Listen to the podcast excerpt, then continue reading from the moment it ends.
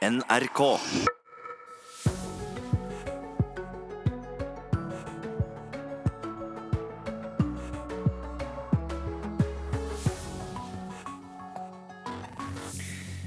Eh, Nyhetsmorgen i gang denne mandagen. Dette er hovedsaker hos oss i dag.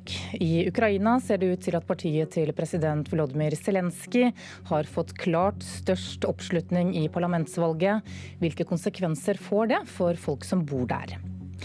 Dobbelt så mange unge voksne får hjelp av barnevernet nå som for ti år siden, og det er de skoleflinke som får mest støtte. Storbritannias statsminister Theresa May har kalt inn til krisemøte i den britiske regjeringen i dag, etter at en britisk registrert oljetanker ble tatt i arrest i Hormuzstredet i helgen. Så er det jo en spesiell dato i dag. Det er 22. juli. Åtte år siden terrorangrepene i regjeringskvartalet og på Utøya. Det markeres flere steder i dag, og også her i Nyhetsmorgen, som i dag er ved Anne Jetlund Hansen. I Ukraina ligger president Vladimir Zelenskyjs parti an til å bli det suverent største partiet, ifølge den foreløpige opptellingen. Den tidligere skuespilleren kan dermed få nok støtte i parlamentet til å få igjennom politikken sin. Det var stor spenning da de talte ned på valgvaken hos partiet til Ukrainas president Volodymyr Zelenskyj. Så kom resultatet.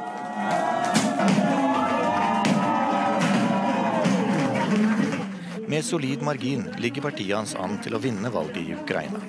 Opposisjonsplattforma for liv, 9. Ifølge valgdagsmålingen får folkets tjenere 43,9% Og hvis dette også blir resultatet, så ligger de an til å bli større enn de fire neste partiene til sammen. Hovedpersonen selv var veldig stolt, og takket alle de som hadde stått på i valgkampen. Я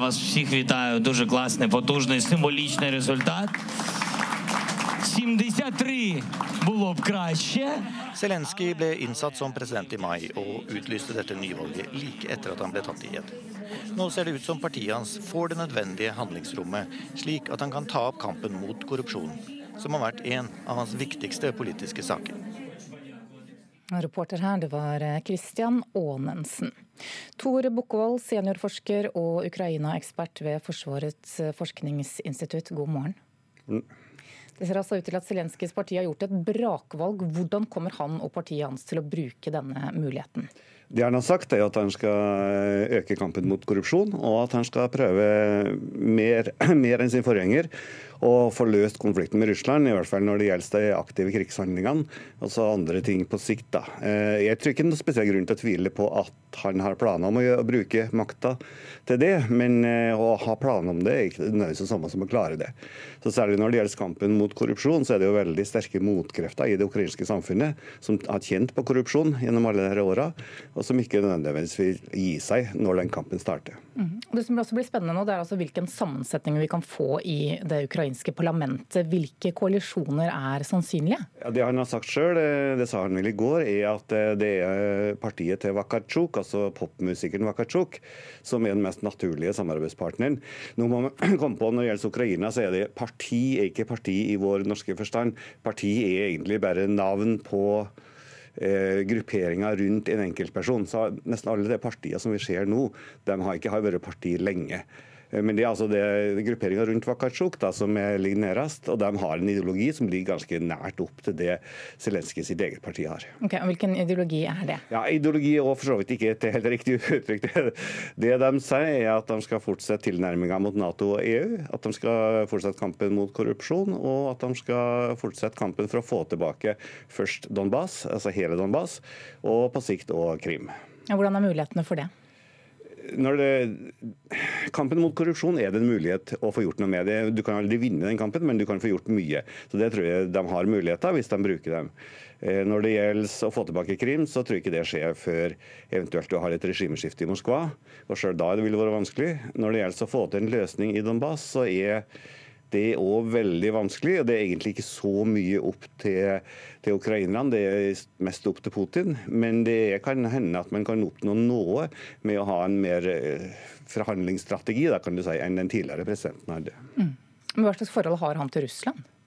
han har, han har, ikke noe etablert forhold til Russland, rett og slett for at han er så ny i politikken. Så jeg tror Russland er veldig i tvil om hvordan de skal på en måte håndtere det her. for det er den det er en mann fra en annen generasjon, og det er en mann fra et, et sjikt av det ukrainske folket som de egentlig ikke kjenner så godt. Eh, men når det er sagt, så eh, jeg tror ikke hans forhold til Russland vil bli vesentlig annerledes enn det forholdet hans forgjenger hadde. rett og slett fordi at Russland har en veldig klar målsetting om å hindre Ukraina fra å bli en del av Vesten. Og Zelenskyj, som, sin som sin forgjenger, ønsker at Ukraina skal bli en del av Vesten. Mm. Hvilke konsekvenser, hvilke konsekvenser, får det for folk som bor i Ukraina, da? At uh, Zelenskyjs parti altså har gjort et så godt valg nå? Hvis han klarer å gjøre noe med korrupsjon, hvis han klarer å skape i hvert fall begynnelsen på en rettsstat, så kan det gjøre at investeringene i økonomien går opp, og at du da kan få økonomisk framgang på noe sikt. Det tror jeg det meste de kan håpe på. Og så vil og kampen mot korrupsjon, hvis den i rimelig grad lykkes, kunne skape et mer si, rettferdig samfunn i Ukraina enn det vi har i dag. Så Korrupsjon på en måte, den både hindrer økonomisk framgang, og den gjør at hele samfunnet føles veldig urettferdig for den enkelte borger. Så hvis han kan gjøre noe med det, så har han oppnådd mye. Mm, men det er vel et langsiktig prosjekt uansett? Det er riktig. Altså, først så skal eh, reformene vedtas, så skal de implementeres av et byråkrati som ikke nødvendigvis ønsker å implementere dem. Og så skal de til slutt gi resultater. Det er klart at uh, Resultatet av det her ser du ikke for på, på sikt. Det er du rett i. Kampen mot korrupsjon og dette med å få slutt på konfliktene øst i Ukraina er jo eh, tiltalende, regner jeg med, for en del velgere. Men hva er det som gjør at han har blitt så populær? Han fikk altså over 70% i presidentvalget i april, og nå ser det altså ut til at, han, at partiet hans får over 40% i dette parlamentsvalget. Ja, jeg tror det er to ting. Det første er at han er representant for en ny generasjon som ikke er knytta til den korrupte postsovjetiske generasjonen. Altså det er rett og slett et, Vi snakker muligens om et form for eliteskifte i ukrainsk politikk, og det er veldig viktig.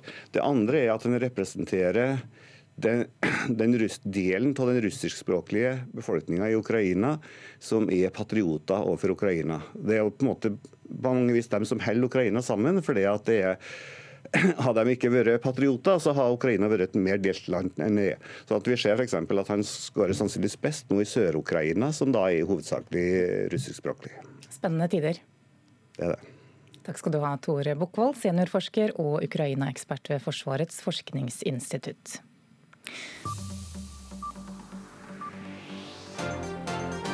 Skal vi se på hva som skjedde mens du sov?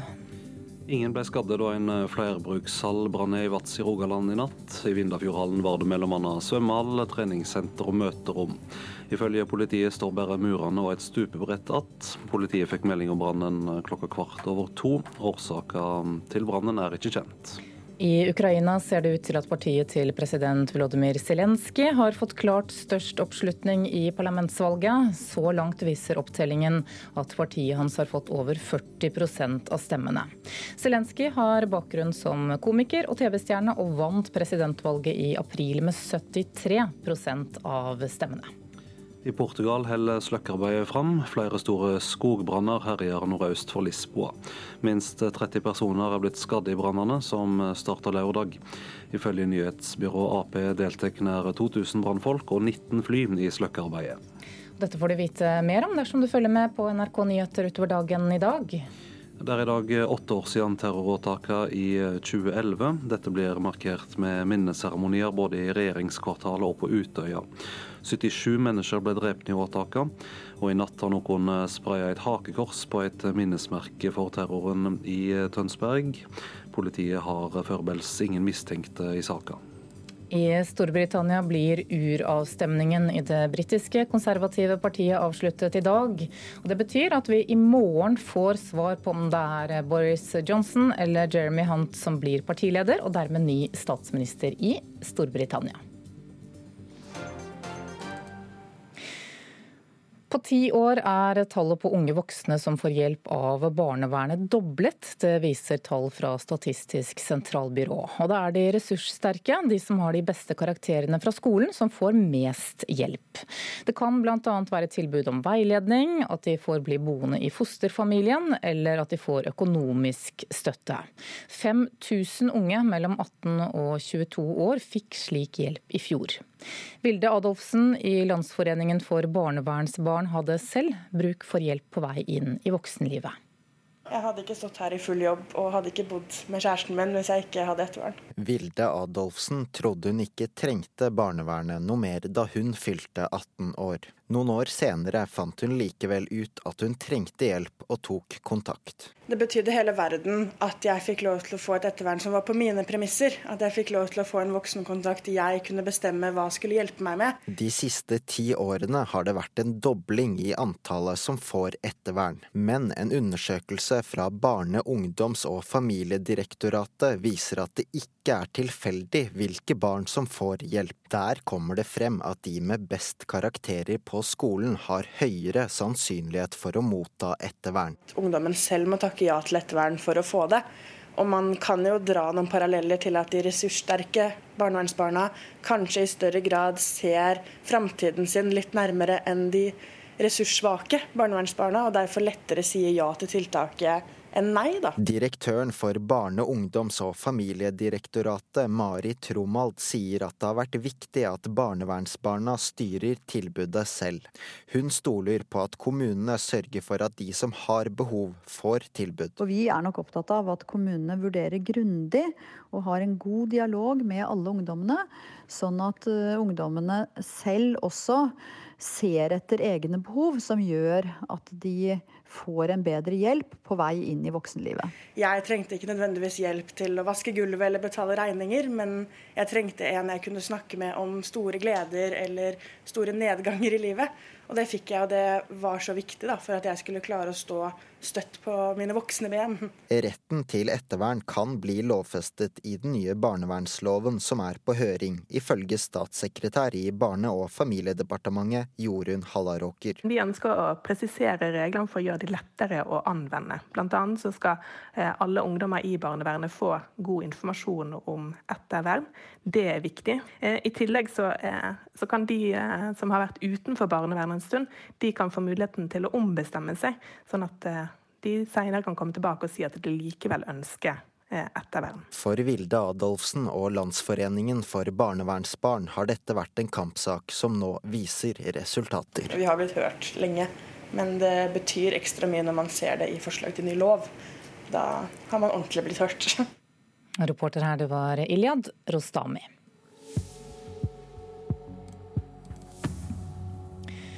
7.15 er klokka blitt. Du lytter til Nyhetsmorgen i NRK. Dette er hovedsaker hos oss.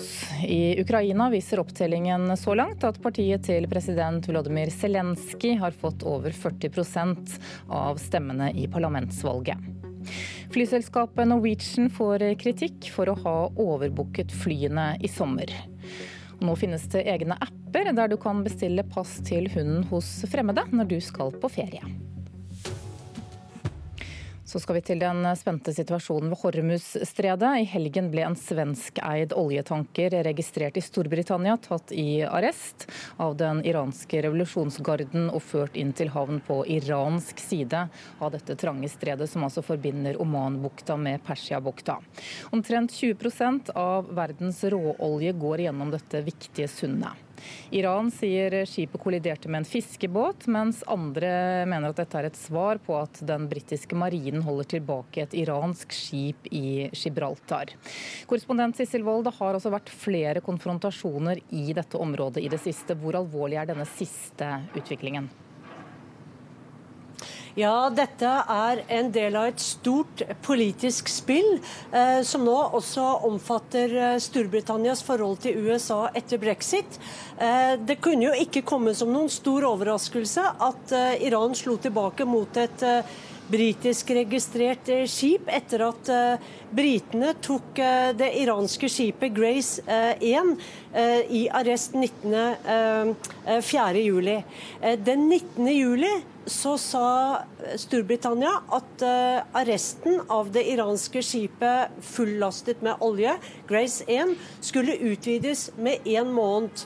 Og den samme dagen var det altså at iranerne slo til mot uh, dette skipet, uh, Stena Imperio. Så dette er jo ingen uh, tilfeldighet.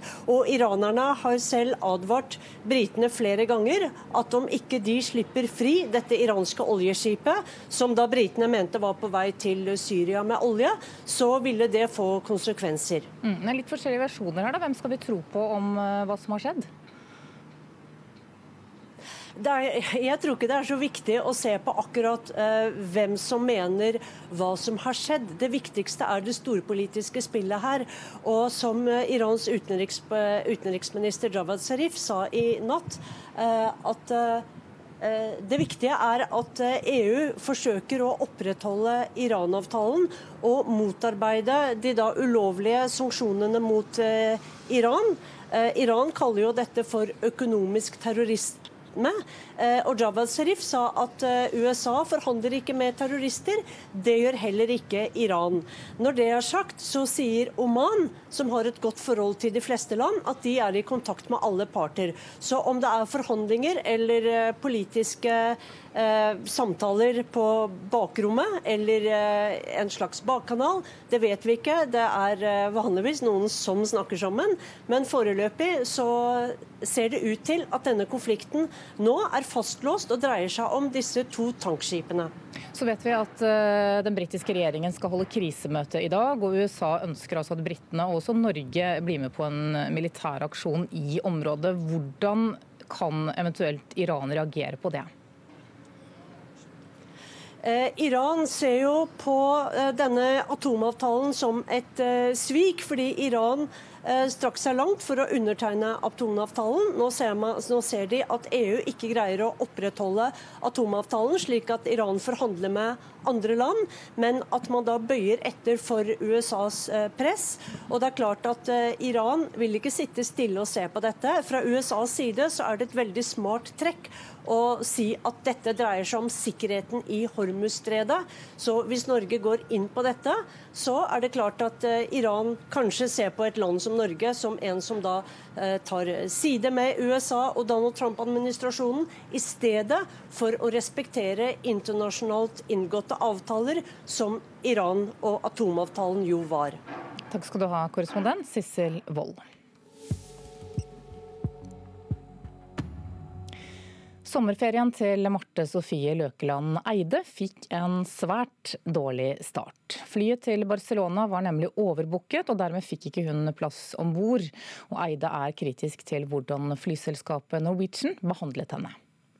Jeg, jeg syns det er helt utrolig at det går an å behandle passasjerene sine som om de er totalt systemløse.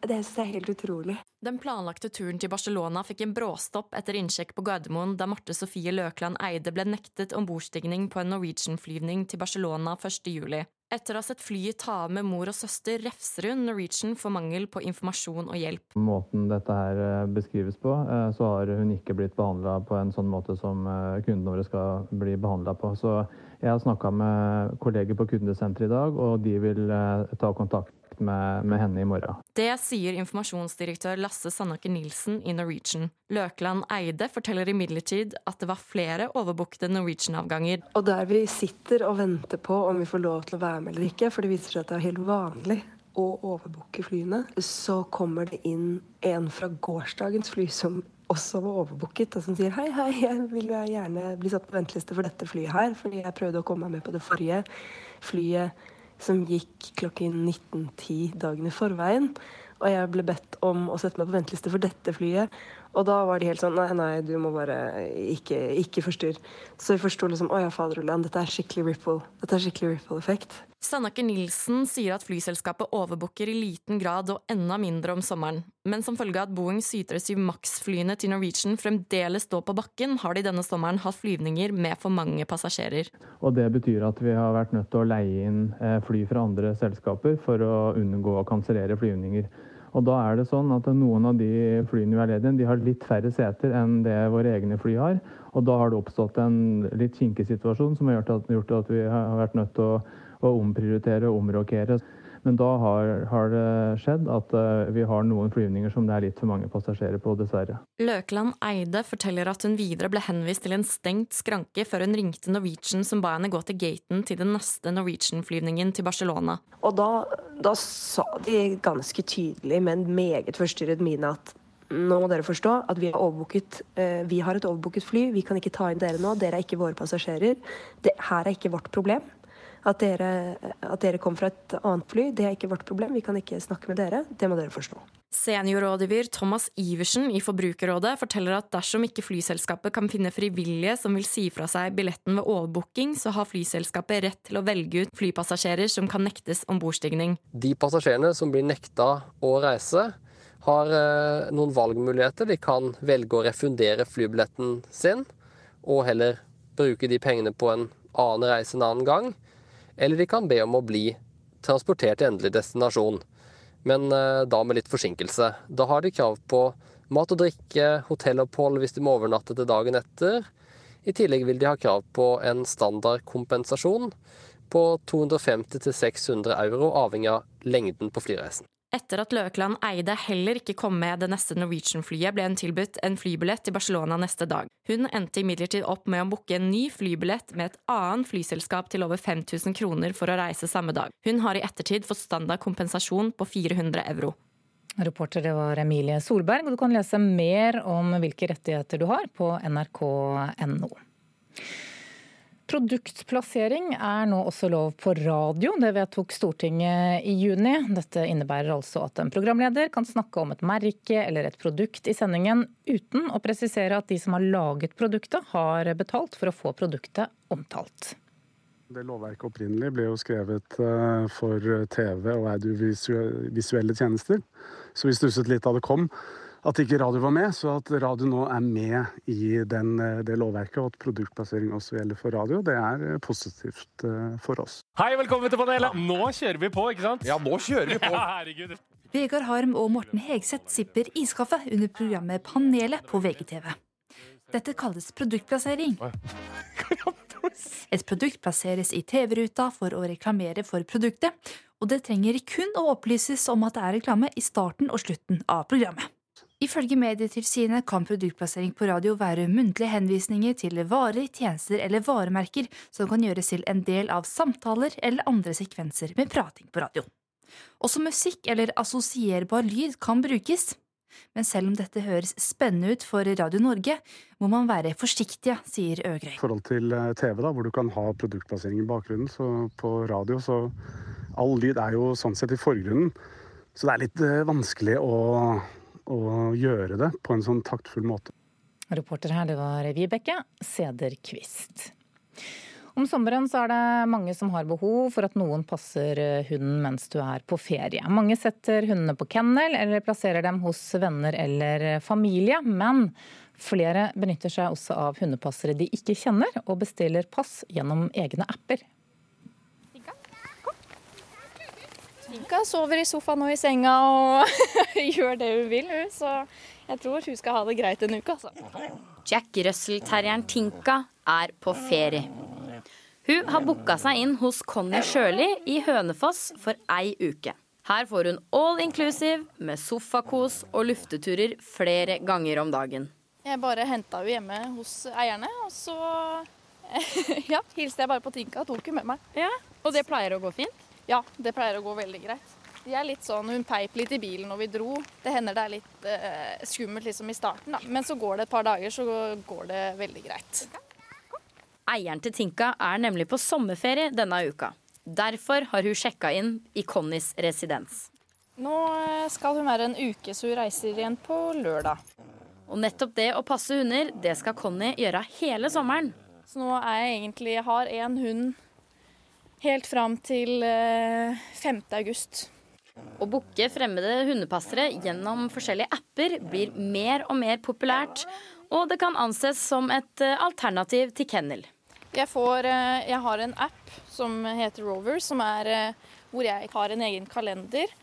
Hvor jeg kan skrive når jeg er tilgjengelig og ikke. Og så sender hundeeiere inn forespørsler på datoer de ønsker, og hva slags type pass det er. Da, for jeg kan ha alt fra en uke til f.eks. bare en tur. om dagen. Ja, for du gjør litt forskjellig. Jeg har uh, huka på alt. Rover er en av appene som blir mer og mer brukt for å booke hundepass. Ifølge Ida Nilsen, som jobber i Rover, så øker trafikken deres med 70% i sommermånedene. Det merker Conny. Nå har jeg jo måttet sagt nei til fire stykker òg for å få det her til å gå opp. Ja. Så jeg har sittet med egen kalender for å få det her til å gå opp. Om du skal ha fremmede til å passe hunden din, så må du også være litt obs. Det sier Kjetil Vattaker Johansen i Norsk Kennelklubb. Så det beste tipset er egentlig å bare undersøke så godt det lar seg gjøre på det stedet du har, du har blinka deg ut. Mm. Besøk gjerne hundepasseren eller kennelen på forhånd og, og se litt hvordan det er der, og snakk med de som Eh, jobber der, eller de som skal passe hunden, så får du, så får du et veldig godt inntrykk av eh, hvordan det er. Det er mange som ikke har lyst til å ha hunden sin på kennel, og det kan jeg skjønne. Eh, og Da er det hyggelig å kunne bidra til at eh, hunden får en litt annerledes uke. da. Vi kan dra på båtturer, vi kan gå fjellturer, vi kan gjøre sånne ting. da. Ja, reporter her, det var Ida Gjellerud. Kamzy Gunaratnam kom til Norge fra Sri Lanka som treåring. Som 27-åring ble hun tidenes yngste varaordfører i landets eh, hovedstad for Arbeiderpartiet, og henne skal vi møte i Politisk sommerportrett eh, etter Dagsnytt 7.30. Så vet vi også at Storbritannias statsminister Theresa May har kalt inn til krisemøte i regjeringen i dag. Vi skal eh, til vår korrespondent i London i Nyhetsmorgen etter klokka åtte. Straks klart for 7.30. Vidar Eidhammer gjør seg klar. Nyhetsmorgen eh, i dag får du med Anne Jetlund Hansen i studio. Produsent Munever Gildis.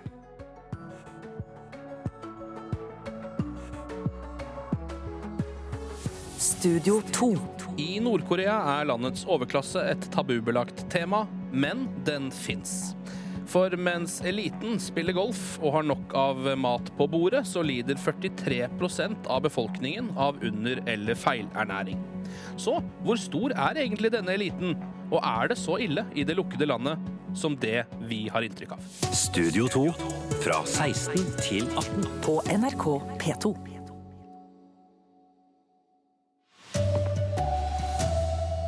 Flere får barnevernsstøtte etter å ha fylt 18 år, men det er de skoleflinke som får mest hjelp.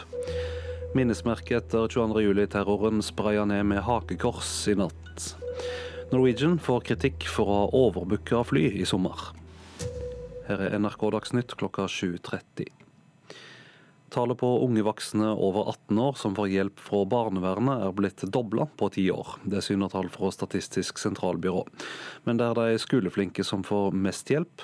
Støtta blir kalla ettervern. Det kan bl.a. være rettleding, at de får bli buende i fosterfamilien eller økonomisk stønad. 5000 unge mellom 18 og 22 år fikk slik stønad i fjor. Vilde Adolfsen i Landsforeningen for barnevernsbarn trengte sjøl hjelp inn i voksenlivet.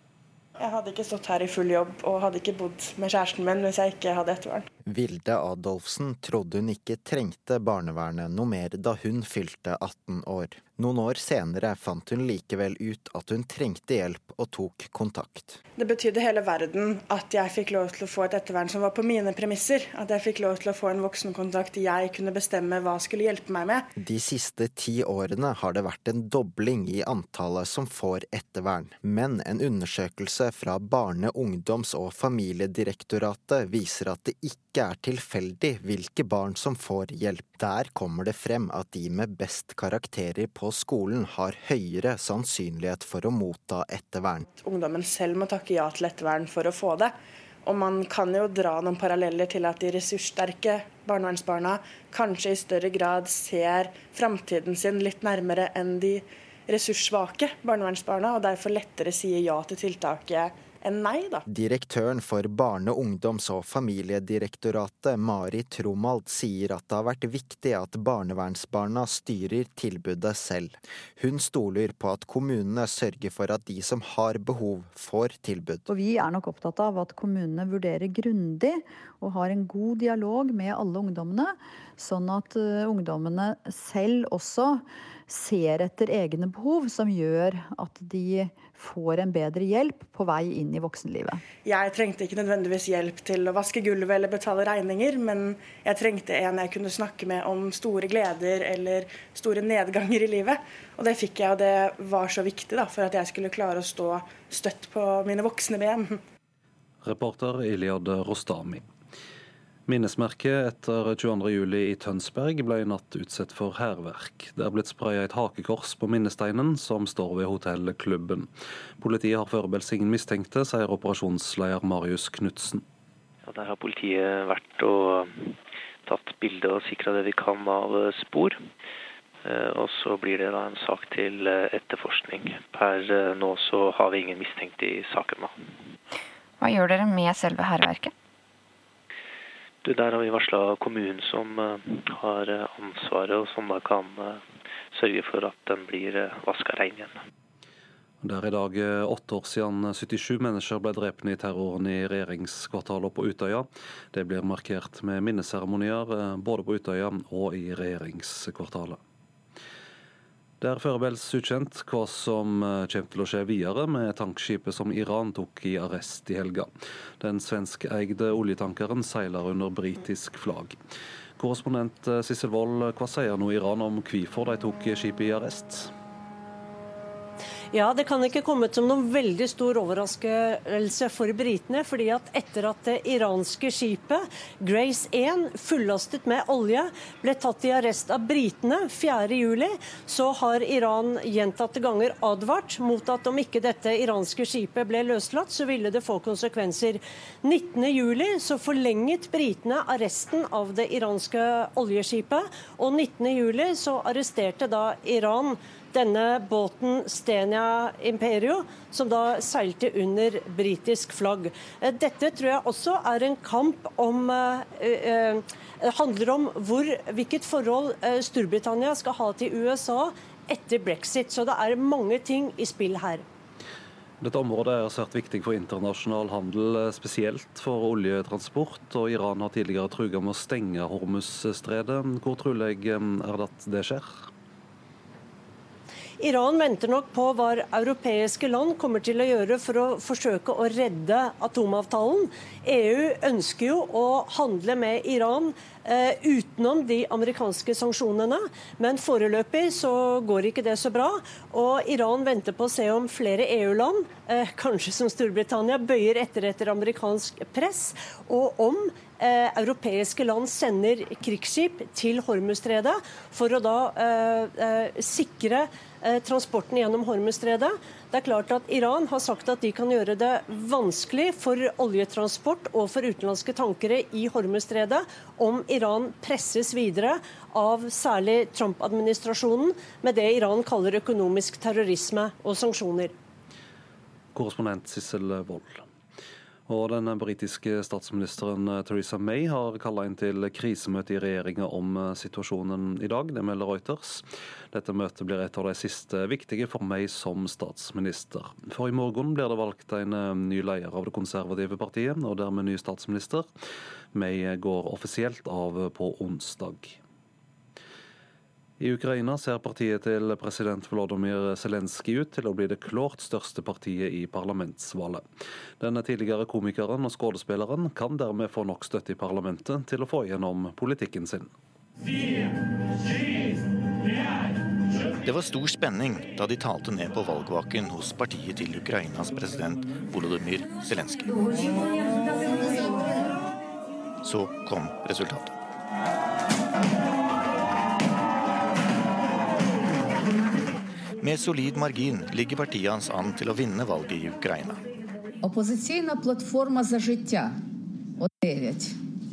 Ifølge valgdagsmålingen får folkets tjenere 43,9% Og hvis dette også blir resultatet, så ligger de an til å bli større enn de fire neste partiene til sammen.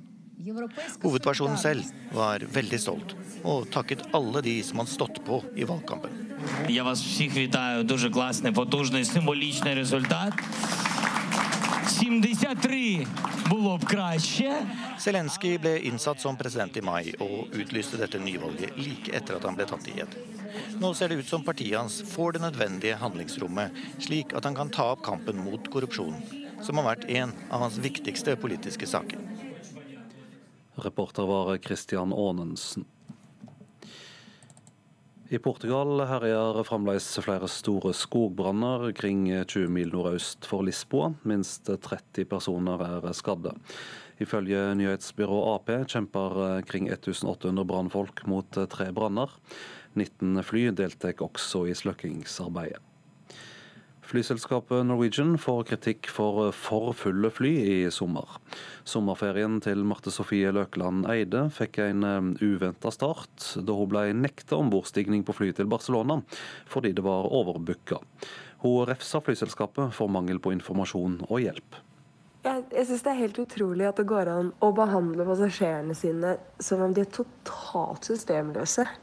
Det synes jeg er helt utrolig. Den planlagte turen til Barcelona fikk en bråstopp etter innsjekk på Gardermoen da Marte Sofie Løkland Eide ble nektet ombordstigning på en Norwegian-flyvning til Barcelona 1.7. Etter å ha sett flyet ta av med mor og søster, refser hun Norwegian for mangel på informasjon og hjelp. Måten dette her eh, beskrives på, eh, så har hun ikke blitt behandla på en sånn måte som eh, kundene våre skal bli behandla på. Så jeg har snakka med kolleger på kundesenteret i dag, og de vil ta kontakt med, med, henne i morgen. Det sier informasjonsdirektør Lasse Sandaker Nilsen i Norwegian. Etter først å ha blitt henvist til en stengt skranke, fikk hun beskjed om å ta neste Norwegian-flyvning til Barcelona, men også dette var overbooket, og hun kom ikke med. Og da, da sa de ganske tydelig, med en meget forstyrret mine, at nå må dere forstå at vi har, eh, vi har et overbooket fly, vi kan ikke ta inn dere nå, dere er ikke våre passasjerer.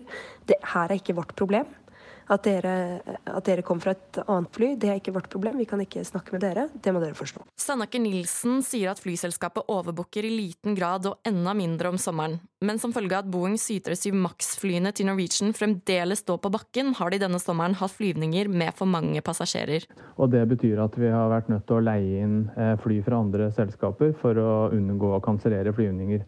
Og da er det sånn at noen av de flyene vi har ledige, de har litt færre seter enn det våre egne fly har.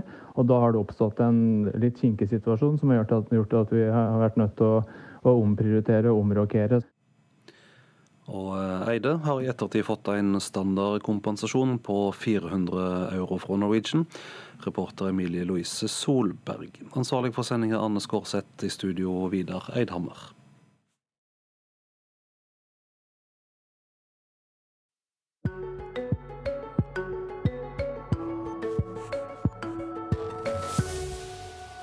Klokka er 7.40. Eh, Nyhetsmorgen fortsetter.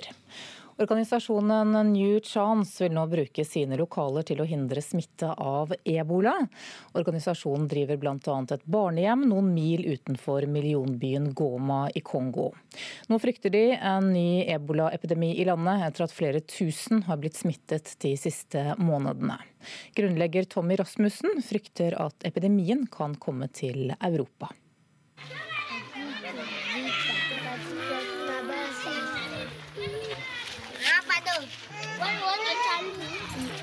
Lyden av barn som leker i trygge omgivelser, er ikke noe man tar for gitt i Den demokratiske republikken Kongo. Men her på barnesenteret, som Sandnes-organisasjonen New Chance driver, er det vanlig. Nå var jeg der sist i april, og jeg skal ned igjen i september. Jeg har sikkert vært der 40 ganger, jeg har mista tellinga, altså, men jeg har reist opp og ned i ti år. Senteret huser bl.a. et barnehjem med 65 barn, forteller grunnlegger Tommy Rasmussen. Men nå er den fryktede virussykdommen ebola i ferd med å få fotfeste i området igjen. Nei, vi har uh, hatt en familie rett utenfor barnehjemmet vårt som fikk ebola.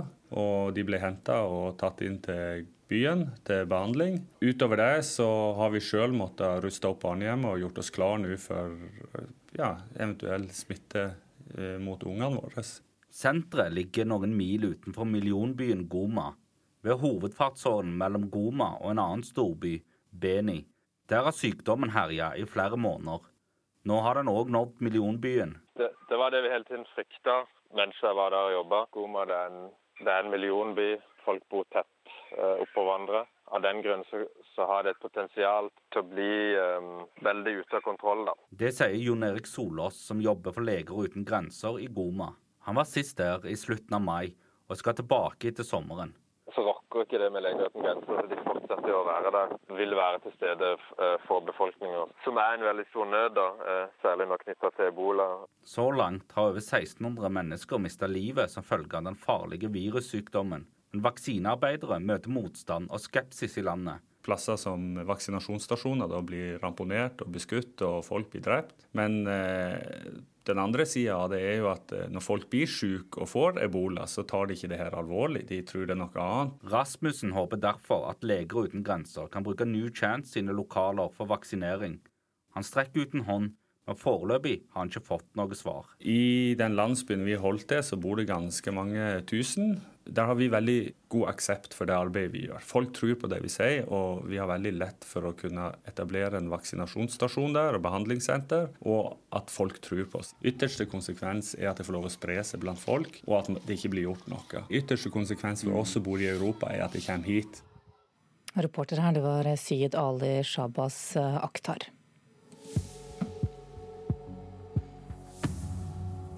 7.43 er eh, klokka blitt nå. Du lytter til Nyhetsmorgen i NRK. Dette er hovedsaker hos oss.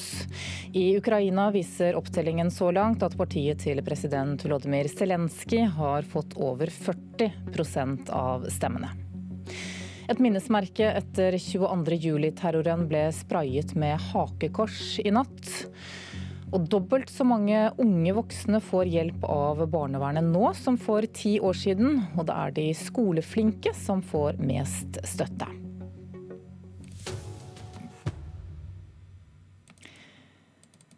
I sommer så sender vi portretter med ulike politikere foran valget i september, på den tiden du vanligvis hører Politisk kvarter. Kamzy Gunaratnam kom til Norge fra Sri Lanka som treåring, og 27 år gammel ble hun tidenes yngste varaordfører i Oslo.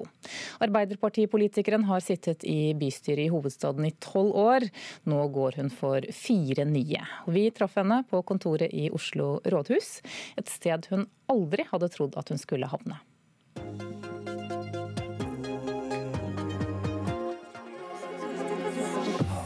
Aldri i livet. Jeg trodde aldri jeg skulle bli varaordfører. Men, eh, men, vi vant da valget i 2015, og eh, de ønsket det fra både partiets side og de rød-grønne samarbeidspartiene. Og da var det både en ære og frykt og eh, herregud, som jeg grugledet meg i den perioden, men jeg ble det i 2015. Ja, hvordan har det vært? Nå har du vært varaordfører i fire år. Har det svart til forventningene? Eh, nei, altså det, det, er så vanskelig spørsmål. Fordi jeg skjønte ikke helt hva jeg gikk til. Og det var vel kanskje derfor jeg sa nei da jeg ble spurt aller første gang at jeg ikke ville bli varaordfører. Fordi jeg hadde et inntrykk av at varaordførerrollen var eh, mye mer pynt enn det det egentlig er. Eh, og jeg eh, som 27-åring hadde lyst til å liksom ut og redde verden, eh, men starte med lille, store Oslo. Eh, men så skjønte jeg at det, å ha en symbolsk rolle, eh, det å ha en rolle hvor du kan løfte så mange verdidebatter, det er utrolig givende, men også utrolig viktig for samfunnet vårt og for befolkningen vår, selv i lille, store Oslo. Hva slags eh, verdidebatter er det da, som du føler du har fått løfte? Jeg har fått uh, løftet uh, en del rundt ytringsfrihet. Uh, hvor viktig det er at mennesker kan møte hverandre, møte ulike meninger og holdninger. la seg bli inspirert, men også eksponert for mennesker og ytringer man vanligvis ikke vil bli eksponert for. Og så har jeg engasjert meg veldig mye i dette med å representere samfunnet. og her er det nok noen politiske uenigheter rundt dette med å være hakket mer opptatt av at hele befolkningen skal kunne både se på maktapparater, men også andre organisasjoner og institusjoner, og tenke at de som sitter der, de som jobber der, er mennesker som skal eh, gjenspeile oss. Men helt til slutt så mener jeg at den store verdidebatten er jo også rundt eh, hele denne debatten mellom by og land, eh, hvor jeg er opptatt av at eh, vi som er lokalpolitikere i Oslo, vi er akkurat det. Vi er lokalpolitikere politiker i Oslo. Eh, jeg sitter ikke og forsvarer Stortinget. Min jobb er å sørge for at eh, Oslos befolkning har en god barnehage, en god skole og alle de andre tingene som vi også er opptatt av eh, i Distrikt-Norge. Og det å kunne løfte det har også blitt en verdidebatt i seg sjøl, fordi vi er alle mennesker uansett hvor i Norge vi bor. For du tenker at det har vært en verdi da, at du som ung kvinne med innvandrerbakgrunn har fått en så eh, framskutt og framtredende rolle som varaordfører i Norges største by? Jeg, jeg håper og, og tror at, at, mer enn det at akkurat jeg ble varaordfører, er at jeg håper uh, unge jenter, uh, gjerne med og uten innvandrerbakgrunn i Oslo by, uh, kan tenke hvilken rolle de kan ta. Så jeg pleier å si når jeg holder skoleringer for elevrådet, altså om det er Oslo sør eller i Groruddalen, så sier jeg på tull da at hvis jeg kan bli varaordfører, så kan du og du og du bli statsminister. men det er veldig mye alvor i den eh, spøken, fordi at vi ser eh, status for ytringsfrihet i eh, Norge. Viser jo i en rekke forskningsrapporter at de som vegrer seg mest mot å bruke ytringsfriheten sin, er unge eh, og mer enn eldre. Det er jenter mer enn gutter. Og det er eh, mennesker med minoritetsbakgrunn mer enn majoritetssamfunnet for øvrig. Og det vil gi et demokratisk underskudd dersom man ikke tør å eh, for å si det rett ut, åpne kjeften sin, da. På en ganske fersk meningsmåling så får Arbeiderpartiet 12 prosentpoeng mindre enn dere fikk i valget her i Oslo. Hvorfor det? Uh, jeg, uh, vet du hva, jeg har aldri blitt spurt om å kommentere meningsmålinger før, så den følte jeg meg veldig voksen politiker. uh, men jeg husker da jeg var leder av i Oslo, så satt Arbeiderpartiet i regjering. og jeg husker at mellom 2005 og 2009 så hadde Arbeiderpartiet eller den eh, rød-grønne flertallet bare to flertallsmålinger. Den ene var rundt 2008, og den andre var på valgdagen 2009. Eh, så jeg lærte ganske tidlig at meningsmålinger er meningsmålinger. Situasjonen her tror jeg at det er én sak som har vært litt i vinden, og det er bompenger. Og da er det vanlig at det er de to tydeligste partiene som da får oppslutning for og mot. og jeg tror ikke Arbeiderpartiet skal være et parti som lar oss liksom eh, vaie med vinden. Jeg tror vi har godt av å være det gode, trygge styringspartiet som vi skal være, både i Oslo og eh, i Norge. Det betyr at vi kan ikke bidra til at store, sammensatte spørsmål får enkle slagordsvar. Eh, og da er jeg mer opptatt av å kunne gi de sammensatte svarene, som også eh, vi bør, fordi det er eh, vanskelige spørsmål eh, alt vi håndterer. Og når det gjelder klima og bompenger, så har vi vært vært like tydelig som også Miljøpartiet De Grønne. Eh, I Oslo så er det riktig, det nye systemet som kommer. Den er mer solidarisk. Eh, enkelt fortalt så er det sånn at de i indre by har ikke betalt før nå. Eh, det som skjer nå, er at det blir billigere å bo i ytre by, og, og du skal begynne å betale i indre by. F.eks. min pappa, som bor på Grorud og som jobber på Huseby, han har en hybridbil og kommer til å betale mindre nå enn han gjorde før. Og det er rettferdig. Samtidig er det riktig for klima og miljø. Og der har vi i Oslo Arbeiderparti stått tydelig. Samtidig så viser kartlegging i Klassekampen nå at uh, på Stovner, i Groruddalen, i de uh, bydelene med mange innvandrere med tradisjonell arbeiderklassebakgrunn, altså de bydelene der Arbeiderpartiet her i Oslo har gjort det sterkt, så er folk veldig motstandere av uh, bompenger. Det er der folk er mest skeptiske til bompenger her i Oslo. Er det litt av forklaringen på hvorfor dere sliter? Dere sitter jo i et byråd som har bygd ut mange bomringer. Mm. Eh, ja, det kan være en forklaring. fordi det er lettere å forklare eh, i indre by, som har eh, hyppigere avganger og flere trikk, buss og T-bane å forholde seg til, enn f.eks. da i Groruddalen, hvor du kanskje er litt mer avhengig av tog, litt mer avhengig av T-bane, eh, og har ikke trikk, eh, f.eks. Eh, og da tenker jeg at det er jo vår jobb å forklare det og fortelle det. Det er jo det valgkamp dreier seg om, er å fortelle, fortelle hva vi har gjort, og hva vi skal gjøre. Eh, og da må vi være tydelige på at det er ikke sånn at alt annet er å ta for gitt. Du kan ikke ta for gitt at du har flere barnehageplasser i løpet av denne perioden. Du kan ikke ta for gitt at det er blitt billigere å gå i aktivitetsskole. Du, kan ikke ta for gitt at bare i Stovner bydel så har vi åpna tre, tre, nye ungdomsklubber eh, i løpet av vår byrådstid. Det er penger. Det er penger som har blitt brukt og investert i det. Og jeg tenker at de som da tenker at bompenger er det eneste spørsmålet som betyr noe, bør stille seg sjæl spørsmålet hva er det viktigste i mitt liv? Eh, jeg, vil, eh, altså jeg skal ikke synse for mye, men jeg vil påstå at for de aller fleste er det deres barn, eh, det er deres eldre, det er deres liv sammen, å kunne ha et trygge arbeidsliv, at barn har en fellesskole med gode lærere, og at dere eldre har en god eldreomsorg. At det er det som er de viktigste sakene. Å si nei til bompenger er for det første ikke mulig, fordi dette er samarbeid med Akershus fylke og staten. Det er ikke noe bare Oslo kan bestemme. Så egentlig så er jo bompengepartiet litt på bærtur når de lover eh, det, de, eh, det, de, lover. Men så, sånn helt teoretisk sett, da, hvis de skulle få gjennomslag for det de lover, så er det jo egentlig kutt til alt annet. Og da må man spørre seg sjøl er det virkelig dette jeg skal ofre? Og er det virkelig sånn at bompenger er, eh, er det viktigste for meg? Det er store forskjeller i Oslo mellom øst og vest, mellom bydeler med høy innvandrerandel, bydeler med lavere innvandrerandel. Hvordan kan en eh, utjevne forskjellene i Oslo? Altså Det som har skjedd på godt og vondt, er jo at uh, forskjellene er ikke lenger øst-vest, men det er mer sånn det finnes også områder hvor forskjellene internt i bydelene også er store. Men det det handler om, er at det vokser barn og unge opp i Oslo i dag som har ulike forutsetninger, og det er et problem, uh, uavhengig av hvor de bor. Uh, jeg har f.eks. Uh, noen områder i vest også så, hvor, hvor, man ikke er like privilegerte som resten av vestkanten, kan du si. og jeg tror at det er derfor fellesskapsløsninger er svaret. ikke sant? hvis man, og det er, sånn, jeg tror liksom, tydeligste forskjellen på høyre- og venstresida i norsk politikk, det er universelle ordninger og eh, behovsprøvde ordninger. Universelle ordninger skaper tillit mellom mennesker. hvor mennesker, eh, At jeg som er datter av en kokk, kan gå i skole med en bedrift, altså datter eller sønn av en bedriftseier eller statsråd, det er jo store norske drømmen. ikke sant? Fordi du da ikke bare lever i eh,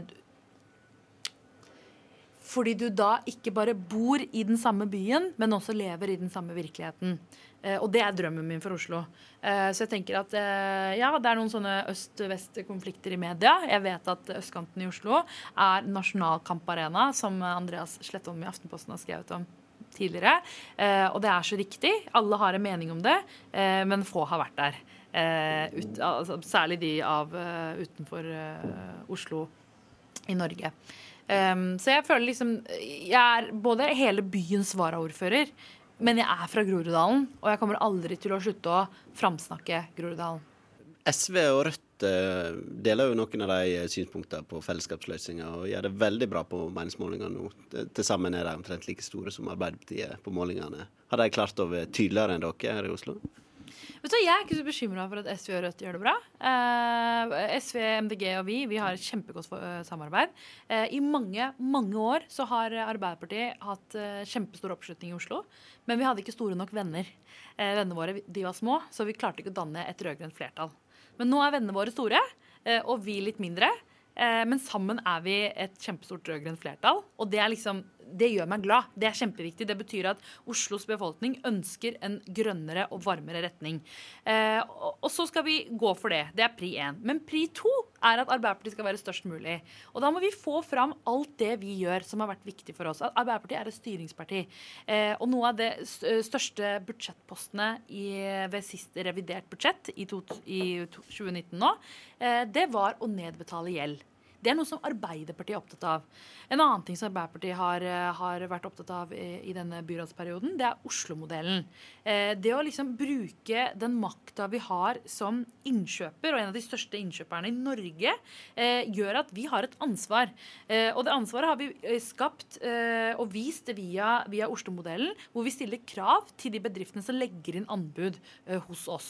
og Robert Steen, finansbyråden vår, han har stått i bresjen her, og vi har skapt hatt dette her sammen med eh, fagbevegelsen i, i, Oslo, hvor de som eh, legger inn anbud for å bygge noe i Oslo, de må oppfylle visse kriterier før de det hele tatt slipper inn. Alle husker søppelkaoset. Søppelkaoset er et eksempel på å ikke forstå uh, den makten vi har som uh, innkjøper. Uh, når vi legger ut anbud, så må vi stille noen krav. Hvis pris er eneste kravet vi stiller, så kommer ikke kvaliteten til å bli god. Og kvaliteten kommer heller ikke til å være bærekraftig. Eh, så når folk skal bygge for Oslo kommune, så må de oppfylle noen kriterier. Vi har stilt eh, kriterier om at eh, du kan ikke betale lønn på cash. Det må skje elektronisk. Være, norsk skal være hovedspråk. Og hvis ikke folka som skal jobbe for deg, kan norsk, så er du nødt til å sørge for at de lærer seg det. Det skal være, Halvparten skal være faglig kvalifiserte. og kanskje det jeg er aller, aller mest stolt av når det gjelder Oslo-modellen, er at det må være 10% lærlinger som utfører arbeidet. Hva gjør det? Jo, det skaper marked for lærlinger. Og i løpet av den tiden vi har sittet i byråd, så har antallet elever som søker seg til yrkesfag, økt. Og det er jeg uff... Kan du beskrive din perfekte sommerdag? Eh, sommerdag i Oslo, da, eller? Det velger du sjøl. altså, i barndommen, da, eh, før krigen brøt helt ut, så var vi en del på Sri Lanka i sommerferien. Eh, og de feriene er veldig De savner jeg, må jeg innrømme. Hvordan er det å komme tilbake til Sri Lanka da, for deg som har vokst opp i Norge, og som har på en måte din tilknytning, eh, ikke på Sri Lanka, men i Groruddalen og i Oslo? Så lenge man har så mange familier eh, i et annet land, eh, så vil det alltid være andre eh, hjemmet ditt. Eh, og, så, så, er jo, man er jo hjemme der også, men ikke helt kulturmessig. Hjemme fordi jeg har en del familie der, og de tar vare på deg, og de viser den samme omsorgen og varmen. Men kulturelt så merker jeg at jeg ikke er der i det hele tatt. Eh, da føler jeg meg veldig, veldig fremmedgjort. Men hvordan da? For eksempel så var jeg første gang eh, på Sri Lanka eh, på offentlig eh, I en offisiell rolle i, i januar. Og da skulle jeg holde Kvinner kan-kurs. Og Kvinner kan er en manual som Norsk Folkehjelp har laget, og som Arbeiderparti-kvinner bruker. Og jeg gjorde det litt, litt omkring. Og da merka jeg hvor vanskelig det var å få folk med på all, altså, veien til likestilling i Norge, den har vært vanskelig, den også. Og når jeg snakker om det, så merker jeg at jeg får bare eh, høre at Ikke alle, da, men noen. At dette her er vestlige verdier, og det hører ikke hjemme her. Eh, og da kjenner jeg på en enormt avstand mellom meg eh, og damene på Sri Lanka. Eh, men jeg blir samtidig også mer engasjert da, til å bidra. Altså Folk i Sri Lanka sier at likestilling og de verdiene de er vestlige og, og hører på Sri Lanka, er det det? At enkelte kategorier innenfor likestillingspolitikken er vestlige verdier. F.eks. så snakket jeg om abortloven, eh, og det var fy-fy. Det skulle vi ikke snakke om. Jeg snakket om prevensjon. Eh, det var ikke helt greit. Jeg snakket om eh, felles ekteskapslov. Eh, altså Hvis kvinner skal leve sine eh, liv som de sjøl ønsker, så må vi også snakke om lesbiske kvinner som ønsker å gifte seg med en annen dame. Eh, og det var også veldig vanskelig.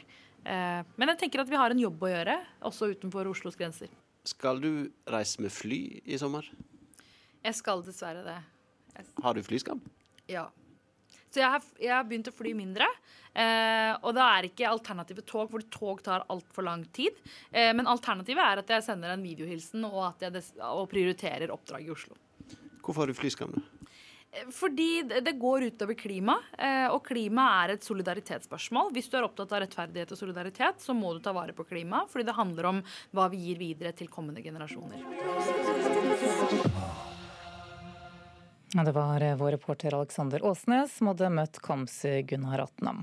Du kan høre alle sommerportrettene som podkast dersom du søker på Politisk kvarter.